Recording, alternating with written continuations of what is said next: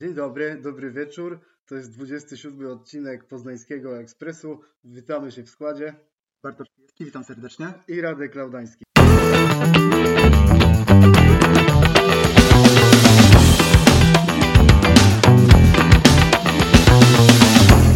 I tak na wstępie powiem, że dzisiaj nie ma z nami Marcina Jerzyka, nie spotykamy się w tradycyjnym gronie. Marcin pojechał z rodziną na urlop, też jest w takim miejscu, gdzie internet jest jaki jest i trzeba było po prostu szukać tutaj zastępstwa i przyszedł tutaj Bartek z Głosu Wielkopolskiego i myślę, że razem damy tutaj owocną dyskusję na temat Lecha Poznań. Nie no, mam nadzieję, tym bardziej, że w Lechu ostatnio sporo się dzieje, no i niekoniecznie dzieje się dobrego, o czym pewnie za chwilę porozmawiamy. Kończy się, kończy się lato, rozpoczyna się powoli e, jesień. Mam nadzieję, że to będzie ostatni grill, jaki odpalimy tutaj na, na podcaście. Coraz gorsze na, na, gorsze na te grille, no to też mam nadzieję, że następnym razem już będziemy się spotykać w nieco lepszych nastrojach. Nie jest to taki dobry wieczór, tak jak powiedziałem na początku transmisji. Lech Poznań nie wygrał od, od trzech meczów z rzędu. Nie ma takich, jakby takiej poprawy, że moglibyśmy mieć nadzieję, że kolejny mecz będzie lepszy że jest taka nadzieja na lepsze jutro. Ciągle widzimy te same błędy i tak naprawdę optymistycznie zakładając, że Lech wygra derby Poznania 17 września, no to wtedy kibice będą musieli aż 5 długich tygodni czekać na zwycięstwo Lecha Poznań. No, ja bym nie, w życiu tak nie pomyślał po tym pierwszym meczu ze Spartakiem Trnawa, że tyle będzie trzeba czekać na kolejne zwycięstwo. No, tym bardziej, że ten początek powiedzmy był taki obiecujący. Ta gra nie była na początku sezonu jakaś, jakaś mega wyborna, ale były wyniki i w sumie kibice mieli prawo zadać sobie pytanie nie czy, a kiedy Lech zacznie grać dobrze. No a tutaj się okazuje, że cały czas tej dobrej gry nie ma. No i wyników też powoli nie ma. Ostatni raz taka słaba seria, czyli czterech meczów e, bez, bez zwycięstwa, miała miejsce w październiku 2022. Wtedy Lech odpadł e, i z Pucharu Polski, przegrywając ze Śląskiem e, po błędach Artura Rudko, który ostatnio podpisał kontrakt z Szachtarem Donieck. Później no, ta gra nie wygląda optymistycznie, ale później coś się naprawiło. Tutaj teraz mamy nadzieję, że no, jakoś John van den Brom poradzi sobie z tym, z tym małym kryzysem. No, ostatnie dwa tygodnie było widać po tym ostatnim meczu, że nie były jakieś super przepracowane. No teraz ma kolejne dwa tygodnie, aczkolwiek bez e, kilku zawodników, którzy wyjeżdżają na mecze reprezentacji, to mu też troszeczkę zaburzy e, przygotowania. No mam nadzieję, że nie będzie musiał e, się tłumaczyć z tego, że brakowało mu jednego, drugiego, trzeciego zawodnika. Tym bardziej, jeśli chodzi o statystykę, no to po pierwszych zgrupowaniach, po pierwszej przerwie na zgrupowanie reprezentacji Polski. Ten pierwszy mecz Lech Poznań no w ostatnich latach no, nie wygrywa. No, ostatni raz to było z Pogonią Szczecin w 2016 roku, także jeśli chodzi o statystykę, no to tutaj też nie mam dobrych, dobrych wieści, no ale mam nadzieję, że każda seria jak, ma jakiś kres. A z Wartą no Lechowi gra się ostatnio e, bardzo dobrze po tym powrocie Zielonych do Ekstraklasy. Gra się dobrze Lechowi, aczkolwiek te mecze też nie są łatwe, mimo tego, że każdy mecz był przez Lecha Poznań wygrany to widzimy, że ta Warta zawsze jest w stanie uprzykrzyć, uprzykrzyć jakoś tej krwi Lechowi. Dobrze jest zorganizowana defensywa. Te ostatnie derby Poznania rozgrywane przy Bułgarskiej w Wielką Sobotę, no to tam też był taki mecz, gdzie, gdzie było parę takich nerwowych sytuacji, czy, czy Lech tą wygraną dowiezie i wtedy na pewno Warta nie miała się czego wstydzić, a jak Warta ma szukać tych punktów z Lechem, no to kiedy jak nie teraz. I tutaj nie wszystko funkcjonuje. Ja też sobie jeszcze przed tym odcinkiem sprawdziłem kilka takich rzeczy, jak wyglądały początki sezonu Lecha Poznań w ostatnich latach. I, i to było tak, że rok, rok temu, kiedy wiemy, jak zawalił ten początek John Van Den Brom, kiedy przyszedł do klubu, wiemy, że wtedy usprawiedliwień było dużo, bo przyszedł tak naprawdę do klubu, stracił obronę, musiał, musiał mieć trochę czasu na, na wdrożenie się, ale po pięciu kolejkach, tak jak teraz, wiemy, że, że już jest siedem kolejek, ale Lech rozegrał pięć meczów, więc patrzę z tej perspektywy, no to Lech miał rok temu dwa punkty, z trenerem Skorżą w trakcie sezonu mistrzowskiego tych punktów było 13 i sprawdziłem sobie, kiedy ostatni raz Lech miał taką liczbę punktów taką samą jak teraz. To był ten sezon z Dariuszem Żurawiem 19-20, też było 8 punktów.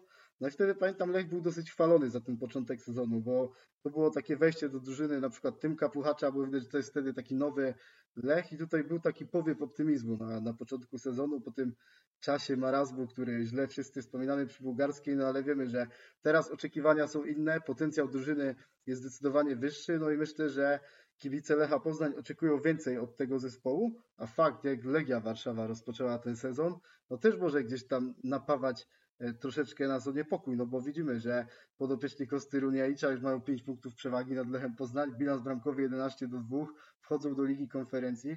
Tak, to samo dotyczy Rakowa Częstochowa. Też jest Liga Europy. Teraz mecz z Puszczą Niepołomice, lekko przyjemnie, 2-0 wygrany. No tutaj w Lechu tego brakuje i Lech, który nie miał tyle czasu, nie miał tej, nie musiał cierpieć tyle, ile Raków i, i Legia, bo wiemy, że oni grają co trzy dni. Legia nawet miała dogrywkę na swoim koncie, a tutaj w tym Lechu nie było widać takiej świeżości. Mimo tego, że, że Lech miał teraz tak długą przerwę, no to ja nie widziałem tutaj tych nowych takich schematów gry, tego wszystkiego, o czym mówił John Van den Brom dzień przed meczem na konferencji prasowej, kiedy mówił, że, że ta gra pozycyjna Lecha Poznań to ma być coś, ten futbol ofensywny, że piłkarz szuka pojedynków, że wierzy w to, że może zrobić różnicę, sam wziąć na siebie grę, odpowiedzialność, a ja tutaj na boisku nie widziałem takiej osobowości, która faktycznie wzięła to na siebie. I tutaj na przykład też od Filipa Marfińskiego wymagał troszeczkę więcej, no bo początek sezonu miał naprawdę bardzo dobry, a teraz ostatnio znika w tych, w tych meczach. A myślę, że to są takie starcia, gdzie, gdzie młody piłkarz, który aspiruje,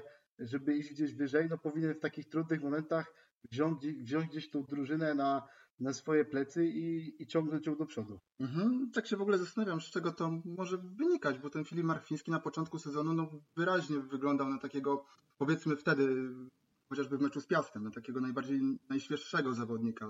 Podobnie było trochę e, z Christopherem Welde i nagle to gdzieś siadło. I teraz pytanie, w czym tkwi problem? Czy to jest mental drużyny, czy, czy, czy Lech nie potrafi mm, jakby wymazać sobie tego wszystkiego złego, co było e, w poprzednich tygodniach, czy po prostu gdzieś przygotowanie fizyczne e, siadło. No bo faktycznie, no tutaj gra Lecha Poznań. Chwilę porozmawiamy chyba o tym meczu e, z Górnikiem Zabrze, bo, bo mam wrażenie, że gdzieś już ten mecz widziałem i to był mecz chyba ze Śląskiem. No, mam, mam wrażenie, że to była kalka, to było kopiuj w play, gra po obwodzie, posiadanie piłki no, na niewiarygodnym, nie, na, niewiarygodnym, na dużym procencie, szukanie sytuacji. Tutaj w tym spotkaniu, szukanie sytuacji, no ale to było szukanie takich sytuacji takich mało klarownych. Tutaj w meczu z Górnikiem no, weszła astronomiczna liczba wrzutek. Tam było 40 wrzutek, 15, 41. 41 wrzutek, 15 rzutów rożnych. No to, to statystyki. W ogóle nic z tego nie, nie, nie wynikło. No tam po jednym rzucie rożnym to faktycznie gdzieś tam e, mógł paść gol. Nika Liszak tak w stylu Christiana e, Gitkiera chciał tak strzelić E, piętką, tam piłka zatrzymała się e, na poprzeczce, ale tak poza tym to nic nie wynikało. No, brakuje schematów, brakuje takiego elementu zaskoczenia, takiego nagłego zrywu. No, oglądaliśmy ten mecz razem na, na, na loży prasowej. No, po tych pierwszych dwóch minutach to ja mówię, no nie, no Lech już wrócił. No to już było coś takiego, mm, miałem wrażenie, że on się zaczął nakręcać. Ten strzał, strzał Iszaka głową, fajne podanie Andersona. Mówimy wtedy, ja sobie wtedy powiedziałem po cichu, kurczę, w końcu może ten Anderson się przebudzi, może ten Iszak końcu strzeli, mm, strzeli gola, a tutaj później z każdej minuty na minutę, 5 minut, 10, 15, to było walenie głową w mur. Anderson to zagrał, no, nie wiem, nie chcę już się tutaj pastwić nad, nad tym, tym zawodnikiem, ale z meczu na mecz wygląda coraz gorzej, tak jak też rozmawialiśmy sobie w przerwie, że no Pedro Reboczo za, za, za swoich takich gorszych czasów wyglądał teraz lepiej, wyglądał wtedy lepiej niż e, Elias Anderson teraz. Na początku zrobił to wielkie show w meczu z Żalgirisem. Miał fajne podania, no ale też trzeba wziąć pod uwagę, że to był tylko i wyłącznie Żalgiris. To nie była drużyna typu właśnie, chociażby no Górnik Zabrze to też nie był potentat, to była ostatnia drużyna mm, w tabeli, ale no nawet na tle takiego, takiej drużyny nie potrafi się e, gdzieś, e, gdzieś odnaleźć. Także no, trochę mnie zasmucił ten Lech i, i mega szkoda, bo naprawdę, no, jeśli Lech nie będzie wygrywał z takimi rywalami, no to ta czołówka może bardzo szybko odskoczyć. Tym bardziej, że Legia wygląda całkiem świeżo po tych, po tych meczach w lidze, w lidze, w lidze konferencji. Zabiegała ten Widzew, no tam miała ponad 120 e, przebieganych e, kilometrów. E, wyglądała bardzo świeżo, no grała do końca. No jeśli Legia tak będzie grała, wyglądała po, po zgrupowaniach reprezentacji, Raków jeśli będzie też tak samo wyglądał, jeśli Lech się szybko nie otrząśnie i nie zdobędzie trzech punktów z Wartą, no to ja się boję, że ten sezon zaraz w październiku, w listopadzie będziemy mogli spisać na straty i też się boję, co będzie w Pucharze Polski, bo jeśli jeszcze byśmy odpadli z Pucharu Polski, no to już w ogóle byłaby, no, jak to się mówi, kaplica. Tak widzę taki pesymizm tutaj duży. Ja tak wiem właśnie co do tego meczu z Górnikiem gdzieś tam z autopsji, że już widziałem wiele takich meczów Lecha Poznań, gdzie pierwsze wrażenie jest naprawdę bardzo dobre, tak jak tutaj ten strzał Isaka. Jest znakomita pierwsza sytuacja bramkowa, a potem nie wiedzieć dlaczego Lech gaśnie i i nie robi nic już w tej połowie, żeby, żeby strzelić tego gola. I taka sama sytuacja była, była tutaj w tym meczu. Ja gdzieś to widziałem kilka razy w zeszłym sezonie i teraz mi się od razu to przypomniało podczas tego meczu z Górnikiem. Ja, kiedy tylko Isak nie wykorzystał tej sytuacji, to sobie myślę, no niedobrze i jestem ciekawy, czy teraz się znowu sprawdzi ten scenariusz. No niestety sprawdził się. Ta ilość wrzutek, o której mówiłeś, bardzo duża, no to już powiedziałem w zeszłym odcinku, że mi to troszeczkę przypomina tą bezradną Barsę Kumana. Tam też było wysokie posiadanie piłki. Jedna z, naj, jedna z takich największych liczb wrzutek w Europie, które wynikały z bezradności, nie przynosiły żadnego skutku. No i pamiętamy wtedy, co się działo z Barceloną. 3-0 z Benficą Lizbona. Na przykład, no myślę taki czas, że to był, gdzie jest jakiś kibic Lecha Poznań też, który sympatyzuje z Barceloną, to też woli o nim zapomnieć. No, co do Eliasa Andersona, no to ja miałem bardzo dużo uwag co do tego piłkarza podczas tego meczu. On tak naprawdę miał świetne wejście do kolejorza, ale zgasł w meczu z Zagłębiem Lubin i to już był ten Anderson słabszej wersji i mam wrażenie, że on już się teraz nie odkręcił do tego czasu. No i ma dużo takich jakby sygnałów, że wysyła, że możemy się o niego niepokoić, no bo trudno tak naprawdę widzieć w jego grze inicjatywę. Jeśli masz lewego obrońcę, no to przede wszystkim jego głównym atutem powinno być to, żeby on się podłączał do gry, żeby schodził do środka, żeby swoimi podaniami robił różnicę, a tutaj ja widziałem, że Anderson podawał do najbliższego, często tracił piłki, brakowało potem mu takiej pewności siebie, no i taki jedyny piłkarz w tym meczu Lecha, który rzeczywiście pokazał jakąś osobowość, dał coś ekstra, no to był Dino Hotić. On mhm. rzeczywiście trochę odpoczął, widać, że miał ten problem fizyczny, ale wszedł i zrobił różnicę. Widzieliśmy, że wchodził w te pojedynki, miał tą asystę przy golu Alana Czerwińskiego, no i to jest jedyny piłkarz Lecha Poznań, którego możemy wyróżnić po tym meczu. Ja też się tak na przykład zastanawiam, bo często teraz dyskutujemy na temat tych przygotowań fizycznych. Ja sobie próbuję znaleźć jakąś taką przyczynę, dlaczego to wszystko się dzieje i tak sobie mam taką jedną teorię. Nie wiem, czy ona jest prawdziwa, to już słuchacze mogą to ocenić, ale wydaje mi się, że skoro piłkarze Lecha Poznań mieli w zeszłym sezonie rozegrane po ponad 3000 minut, znaczna część drużyny, no i na koniec sezonu w ogóle nie było tego widać, no bo widzieliśmy, że y, w ostatnich czterech meczach Lech miał bilans bramkowy 10 do 0, no i Lech wtedy wyglądał jak najlepsza drużyna w Polsce, mimo tego, że Raków zdobywał mistrzostwo, że Legia miała puchar, ale miałem takie wrażenie, że oni wtedy mogli się cieszyć z tego, że ten Lech miał taki słaby początek sezonu, bo ten Lech wtedy naprawdę wyglądał kapitalnie w końcówce sezonu. I wtedy sobie myślę, naprawdę ukłony dla sztabu szkoleniowego, że ci piłkarze mając tyle minut w nogach, oszukali swoje organizmy, oszukali przeznaczenie i tak wyglądają na koniec sezonu. I tak sobie myślę, czy to przypadkiem się nie odłożyło w czasie, te wszystkie minuty, no bo piłkarze pojechali na urlopy, odpoczęli, ale nie wszyscy. Część z nich pojechała na reprezentację. Te przygotowania nie były równe tutaj w Lechu, były bardzo e, krótkie, no i, i myślę tak naprawdę, czy te przygotowania nie wyglądały tak w Lechu z konieczności, że, mhm. że ci piłkarze nie mogli dostać takiego pełnego e, cyklu treningowego, jak na przykład Legia czy Raków, które pewnie trenowały na pełnej intensywności, no bo rozegrały taki spokojny zeszły sezon, no i i nie wiem, czy Lech teraz nie zbiera tych żniw zeszłego sezonu, właśnie teraz na początku rozgrywek, ale jeśli tak by było, to to jest dosyć taka niepokojąca informacja, no bo teraz są co prawda jeszcze dwa tygodnie, żeby jakoś tą formę ustabilizować, no ale no nie widać takiej poprawy w tej materii, chociaż takim delikatnym światełkiem w tunelu może być fakt, że to może być bardziej kwestia mentalności, no bo Lech w drugiej połowie z Górnikiem wyglądał lepiej niż w pierwszej. Widzieliśmy, że tworzył sobie sytuacje bramkowe, przyspieszał tą grę, trochę bardziej uwierzył w siebie, więc no też możemy mieć jednak do czynienia w dużej mierze z blokadą mentalną po, ty, po tym, co się wydarzyło w Trnawie. Piłkarze bardzo chcą pewnie, pewnie się odkręcić.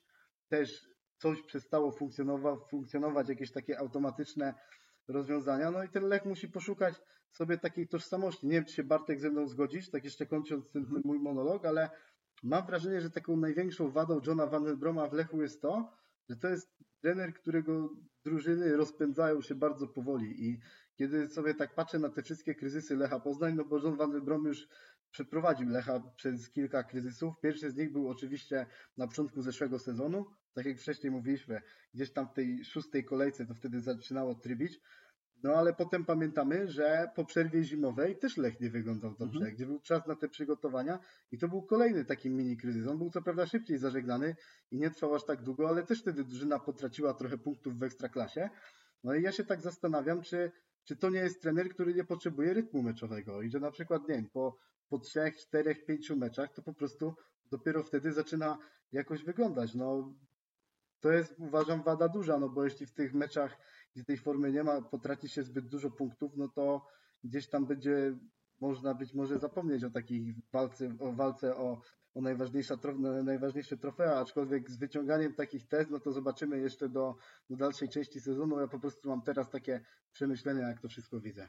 Mm, trochę się zgodzę na pewno, że, że tutaj faktycznie Lech, żeby zacząć tak mówiąc kolokwialnie, żreć w, w lidze, no to potrzebuje tych meczów. No, całkiem nieźle wygląda faktycznie, jak była ta karuzela, że co trzy dni tutaj nagle jest przeskok, że tych meczów jest jeden na dwa tygodnie. I to też nie jest coś normalnego, jeśli chodzi o, o Lecha Poznań i jego przygotowania. Może to, to, to, to, teraz będzie moja teoria, że może sztab szkoleniowy postawił wszystko na jedną kartę i tak jak mówisz, oni byli przygotowani na to, że będą grali znowu jakąś astronomiczną liczbę spotkań. Tych minut będą mieli w nogach dużo, dużo, dużo minut, a tutaj się nagle okazuje, że jest klops, że tych pucharów nie ma, meczów co trzy dni nie będzie, przełożone mecze też robią swoje.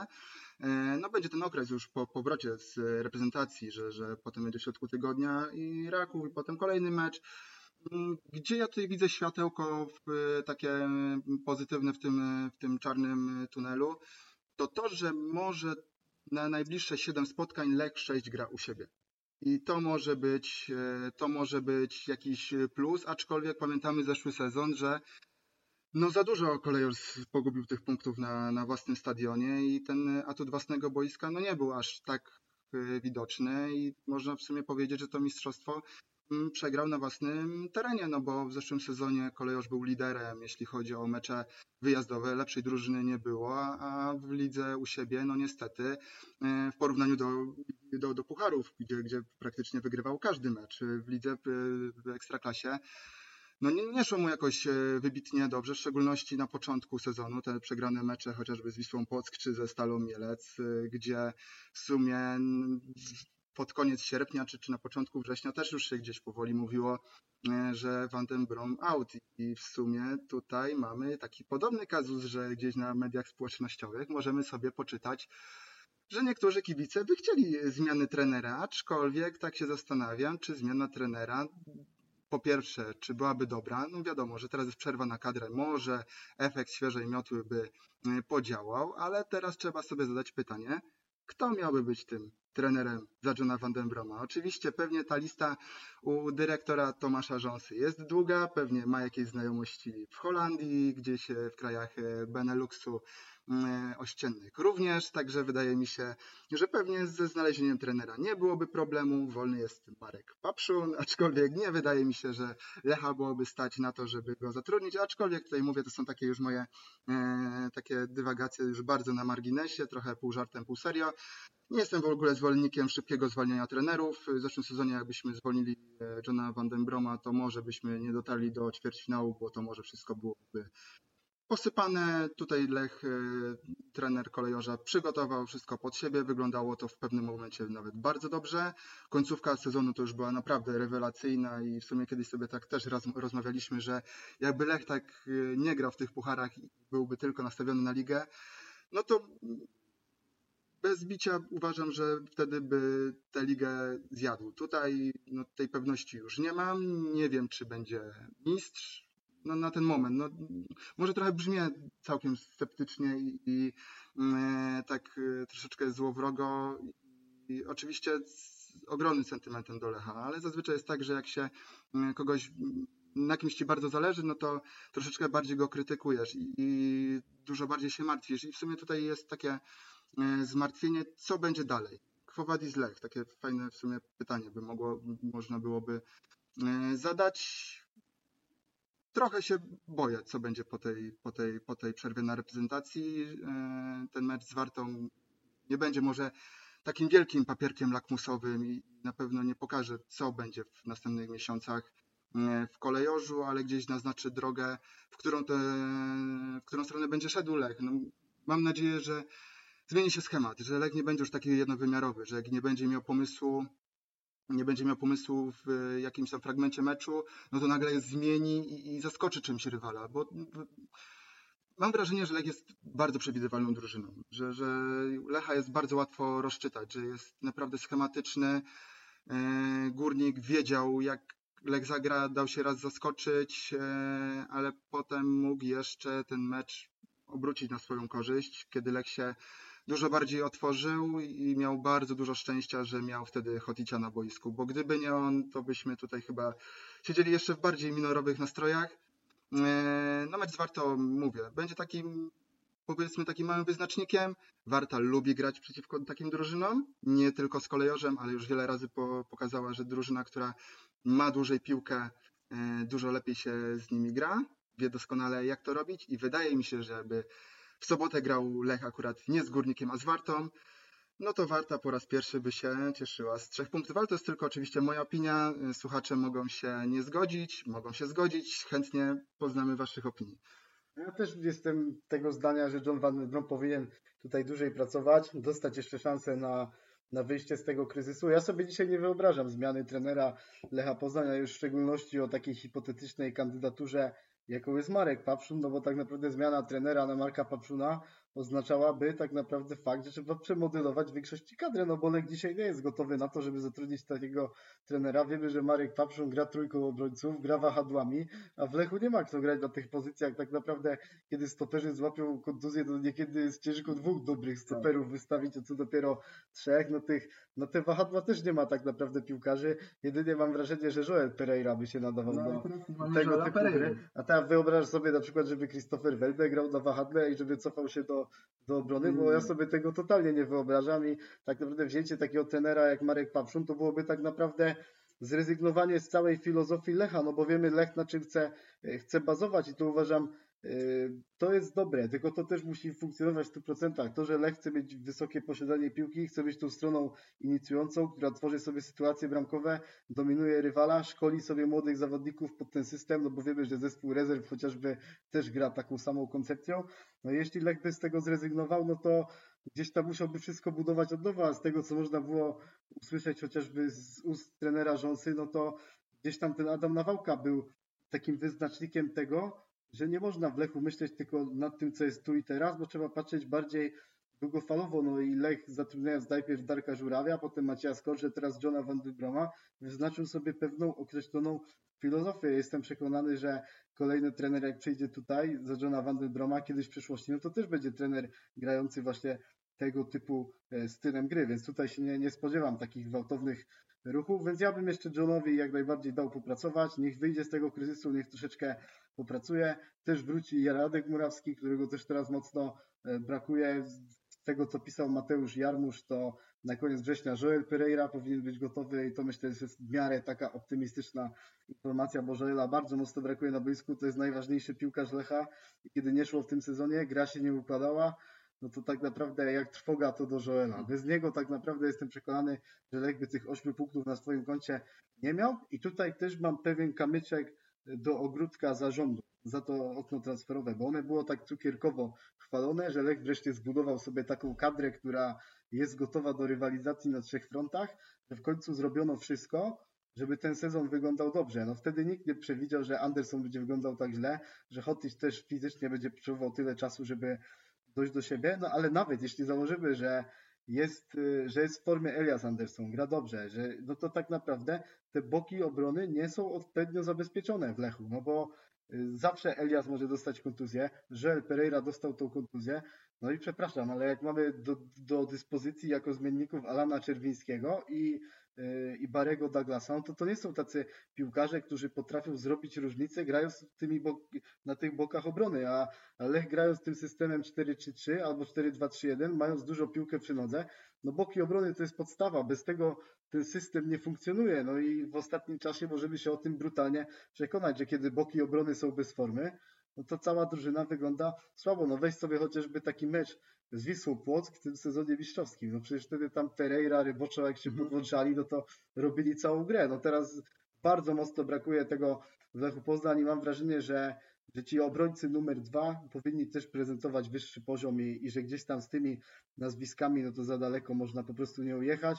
No i teraz tak obserwując sobie Lecha, y, Raków, Legię, no to też można mieć taką myśl, że że Raków ma na prawej stronie Tudora, Legia ma Wszołka, obaj bardzo sobie dobrze sobie radzą, a teraz Lech wychodzi Czerwiński na tę pozycję. Wiemy, że to nie jest wahadło, no ale gdzieś tam też tamtą flanką ma napędzać akcję, no i myślę, że to jest bardzo duża różnica w jakości i, i Lech teraz po prostu płaci za to cenę i to jest rzecz, którą można było zrobić lepiej przed sezonem. Mhm. Ty mówisz, że y, Alan Czerwiński, to jeszcze dorzucę, po tej stronie grał w ostatnim meczu Adriel Balua i teraz zadam pytanie, czy sympatyczny Iworyjczyk w końcu się odkręci? Czy jednak na niego już nie ma szans? 60 meczów ponad, teraz będzie 70. Liczby nie ma, dobrej gry nie ma. Czy ten sympatyczny zawodnik który jest widziany nie tylko w klubie Lech Poznań, będzie dobrze sobie radził na boisku kiedykolwiek. Wątpię szczerze powiedziawszy. No, Adrian Balua zawodził w Lechu Poznań wielokrotnie. No, nawet ta bramka strzelona w meczu e, w Kownie, no to też tak naprawdę strzelił gola, ale wcześniej też miał kilka takich złych decyzji. No coś, co e, gdzieś tam jest takim symbolem jego gry, że ta decyzyjność boiskowa jest na bardzo słabym poziomie. Wszedł Hotić i wyglądał zupełnie inaczej niż Balua. Hotić, który troszeczkę odpoczął, no i stał się piłkarzem takim o wartości dodanej dla zespołu. O Balui nie można powiedzieć nic pozytywnego podczas tego starcia. Miał piłkę przy nodze, miał trochę miejsca, próbował wchodzić w jakieś driblingi, no ale zupełnie bez jakiegoś takiego pomysłu, bez takiej gracji i no nie widziałem w tym piłkarzu kogoś, kto ma stworzyć jakiekolwiek zagrożenie e, rywalowi. To już lepiej nieco wyglądał w tym meczu ze Śląskiem Wrocław, gdzie on i Afonso Souza prezentowaliśmy wtedy, mam, mam wrażenie, najlepiej w Lechu. No to też pokazuje, że Lech wtedy wygląda naprawdę źle w Wrocławiu, no ale tutaj Balua zaliczył słaby występ, no i tak jak dużo osób powątpiewało w tą decyzję Johna Vandenbroma, że, że wyszedł Adrian Balua od początku, no to myślę, że miało rację, no bo Filip Szymczak w zeszłym sezonie pokazał, że na prawym skrzydle potrafi dać całkiem dużo, że jest w stanie wnieść taką równowagę, podejmować lepsze te decyzje na boisku, no i mam wrażenie, że teraz w tym starciu z Górnikiem Zabrze lepiej by się sprawdził niż, niż Adrian Balua. No mam wrażenie, że trochę Van den Brum kombinuje i czasami mam takie, odnoszę wrażenie, że jak mu mecz się nie układa, to gdzieś się grzeje I, i, nie mówię, że, że jest zdenerwowany, ale troszeczkę nie panuje nad tym, co się dzieje na boisku. Wiele razy zarzucano mu, za, za, zarzucało mu się no takie nietrafne decyzje, jeśli chodzi o zmiany. No już w tym sezonie wiele razy to było, chociażby w meczach pucharowych, kiedy zdejmował Mm, chociażby podczas meczu ze Spartakiem dobrego Christophera Welda, zostawiał słabego Iszaka i czasami było i na odwrót. Także tutaj, e, tutaj czasami e, te wybory nie są, nie są dobre. Tak samo te wystawienie Adriela Baluły to też jest bardzo nietrafne, aczkolwiek może to było trochę z konieczności, bo doskonale wiedział, jak wygląda fizycznie Dino Hotic i to się opłaciło mm, w tych ostatnich, e, ostatniej pół godziny, kiedy e, Bośniak znalazł się na boisku i to przyniosło e, zamierzony efekt, więc powiedzmy, że tutaj malutki plusik. Ja troszeczkę bez bicia przyznam się, że oglądając Lecha na przed, przedsezonowych sparingach, i oglądając to, co wyczynia Adriel Balua, to miałem taką iskierkę nadziei, że no nie, no teraz, jeśli, jeśli to nie będzie tego pół roku, no to już nigdy. I niestety w takich przewidywaniach przed sezonem największe zaskoczenie wpisałem czyje nazwisko? Oczywiście Adriela Baluły, za co oczywiście przepraszam, biję się w pierś, bo już nie wierzę w tego zawodnika. I to już będę mówił bardzo szczerze, no nie widać ani krzty czegokolwiek, żeby chciał zrobić, żeby mógł zrobić, takiego, takiej przebojowości. Miał niektóre takie mecze, że faktycznie z tą piłką potrafił gdzieś wejść, e, zamieszać i ta jego ostatnia decyzja jeszcze była całkiem, e, całkiem dużo do poprawy, ale gdzieś tam się, e, gdzieś tam się całkiem nieźle tliło. No ale ta jedna, ta, ta jedna akcja, gdzie się potknął o własne nogi, jak biegł w stronę, w stronę bramki e, Górnika Zabrze, no to było chyba takiego podsumowanie ostatnich spotkań i no, nie chcę powiedzieć, że już nie chciałbym widzieć tego zawodnika więcej w drużynie Lecha Poznań, ale na pewno nie chciałbym go widzieć w najbliższych meczach e, w pierwszym składzie. Zobaczymy, czy już niedługo zdrowy będzie Ali Golizadech. Też, też chyba tak jak Pereira, koniec września. Będzie no to będziemy musieli poczekać, a pod koniec września będziemy grali z y, Rakowem Częstochowa. Y, ostatnio Ekstraklasa podała, i Kana Plus podały termin, że to nie będzie jednak 27 dzień września, tylko 28, ze względu na to, że jeszcze jeden mecz zaległy będzie rozgrywany, rozgrywany w środę, także y, troszeczkę będziemy mogli się poczuć jak podczas meczów europejskich pucharach. W końcu te czwartki wrócą, nie? Tak, to taka namiastka tego, co Lech mógłby przeżyć grając w Lidze Konferencji Europy, że w końcu, tak jak niektórzy kibice, czytam sobie na Twitterze, zastanawiali się, czy, czy zacząć chodzić na, na Zumbę w te czwartkowe wieczory, no to wreszcie chociaż raz będą mogli wybrać się, się na bułgarską. Przyjedzie tutaj drużyna eksportowa, Polska, Raków Częstochowa, mistrz Polski, reprezentant nasz w Lidze Europy, więc no przyjemnie by było wygrać kolejny mecz z Rakowem. No wiemy, że, że ten ostatni był dobry Lecha Poznań, ta jakość piłkarska wtedy zadecydowała, to był ten Lech, o którym mówiłem na początku podcastu, taki robiący bardzo dobre wrażenie. Ja też jeszcze taką ostatnią rzecz dodam, taką diagnozującą te, te dzisiejsze problemy Lecha Poznań. Mam wrażenie, że w 2023 roku Lech był bardzo mocno uzależniony od duetu Marchwiński-Welde, bo oni jeszcze muszę sobie sprawdzić asysty, ale oni na pewno obaj strzelili ponad 20 bramek w tym roku. No i tak naprawdę to jest większość bramek zdobytych przez Lecha Poznań. Musiałbym sobie wyliczyć procenty. Nie zrobiłem to do tego odcinka, gdzieś tam to sobie nadrobię i w przyszłym odcinku albo wcześniej na Twitterze sprawdzę, e, w ile procent bramek Lecha w 2023 roku był zamieszany w duet Marfiński-Welde, ale jestem przekonany, że jest to duża liczba. To, to też pokazuje, że nie było takich rozwiązań systemowych, że mała liczba piłkarzy w Lechu strzela bramki. To też jest takim e, pewnym alarmującym sygnałem, no i to teraz też jest widoczne, kiedy gdzieś tam ten duet na jakiś czas się zaciął, to widzimy, że inni piłkarze gdzieś tam nie biorą tej odpowiedzialności, no i ta ofensywa po prostu leży. Mm, na pewno sobie to wyliczysz, pod, wyliczysz podczas przerwy na reprezentację i tak w sumie, póki jest, jak już jest, zahaczyliśmy trochę o te reprezentacje, trzy punkty w meczach z Wyspami Owczymi i Albanią to będzie dużo? No myślę, myślę, że jak będzie cztery, no to patrząc na te ostatnie wydarzenia wokół reprezentacji Polski, no to kibic gdzieś tam będzie mógł umiarkowanie być zadowolony, aczkolwiek szczerze powiedziawszy, jak ja tak patrzę sobie na tą reprezentację Polski, może jako osoba, która gdzieś tam zajmuje się piłką, nie powinienem mówić takich rzeczy, ale dla mnie te przerwy reprezentacyjne to się stał trochę taki czas odpoczynku od piłki, bo gdzieś tam cały czas człowiek żyje tym Lechem, ligą włoską, piłką klubową, wiadomo, był w reprezentacji Polski dobry czas, gdzie się to wszystko chciało śledzić, no ale te ostatnie wydarzenia wokół PZPN-u, wokół tej kadry, no coś po prostu nam obrzydziły tutaj, no i jestem przekonany, że mimo tak słabej gry Lecha Poznań w ostatnim czasie, no to po prostu bardziej będę odliczał mniej do tych derbów Poznania. W ogóle przepraszam, że sobie pozwoliłem na taką dygresję, bo w sumie to miał być podcast wolna tylko antena. I, wolna antena, że to jest tylko podcast o Lechu Poznań, ale tutaj chyba poruszyliśmy i reprezentację, i Raków, i Legię, i przyszły mecz z Wartą, no ale wiadomo, dużo było o Lechu. Dużo było o Lechu, bo też wiadomo, że rzadko się spotykamy, że tak razem możemy się spotkać na antenie i powiedzieć to, co gdzieś tam sobie zawsze mówimy na trybunie prasowej naszym słuchaczom. W ogóle taka ciekawostka jest, że z Bartkiem zawsze siedzimy obok siebie podczas meczów Lecha Poznań i zawsze jakimiś tam wnioskami się, się dzielimy na temat gry drużyny, więc czasami jest ostro, czasami jest przyjemnie, ale, ale dobrze, że gdzieś tam razem możemy przeżywać te, e, te lechowe emocje. Dziękuję Tobie Bartku bardzo za obecność w dzisiejszym podcaście. Miejmy nadzieję, że nie wlaliśmy w Wasze serca zbyt dużo defetyzmu, no bo gdzieś tam było dzisiaj trochę takich wniosków alarmujących, ale, ale mam nadzieję, że gdzieś tam ludzie w Lechu też wezmą to sobie do serca i, i kiedy spotkamy się już po tej przerwie reprezentacyjnej, no to te nastroje będą zdecydowanie lepsze i będziemy, będziemy spoglądać na to, co będzie jutro już takim przyjemniejszym okiem. Podpisuję się pod tym, e, pod tym wnioskiem e, oboma rękoma i dziękuję serdecznie za zaproszenie.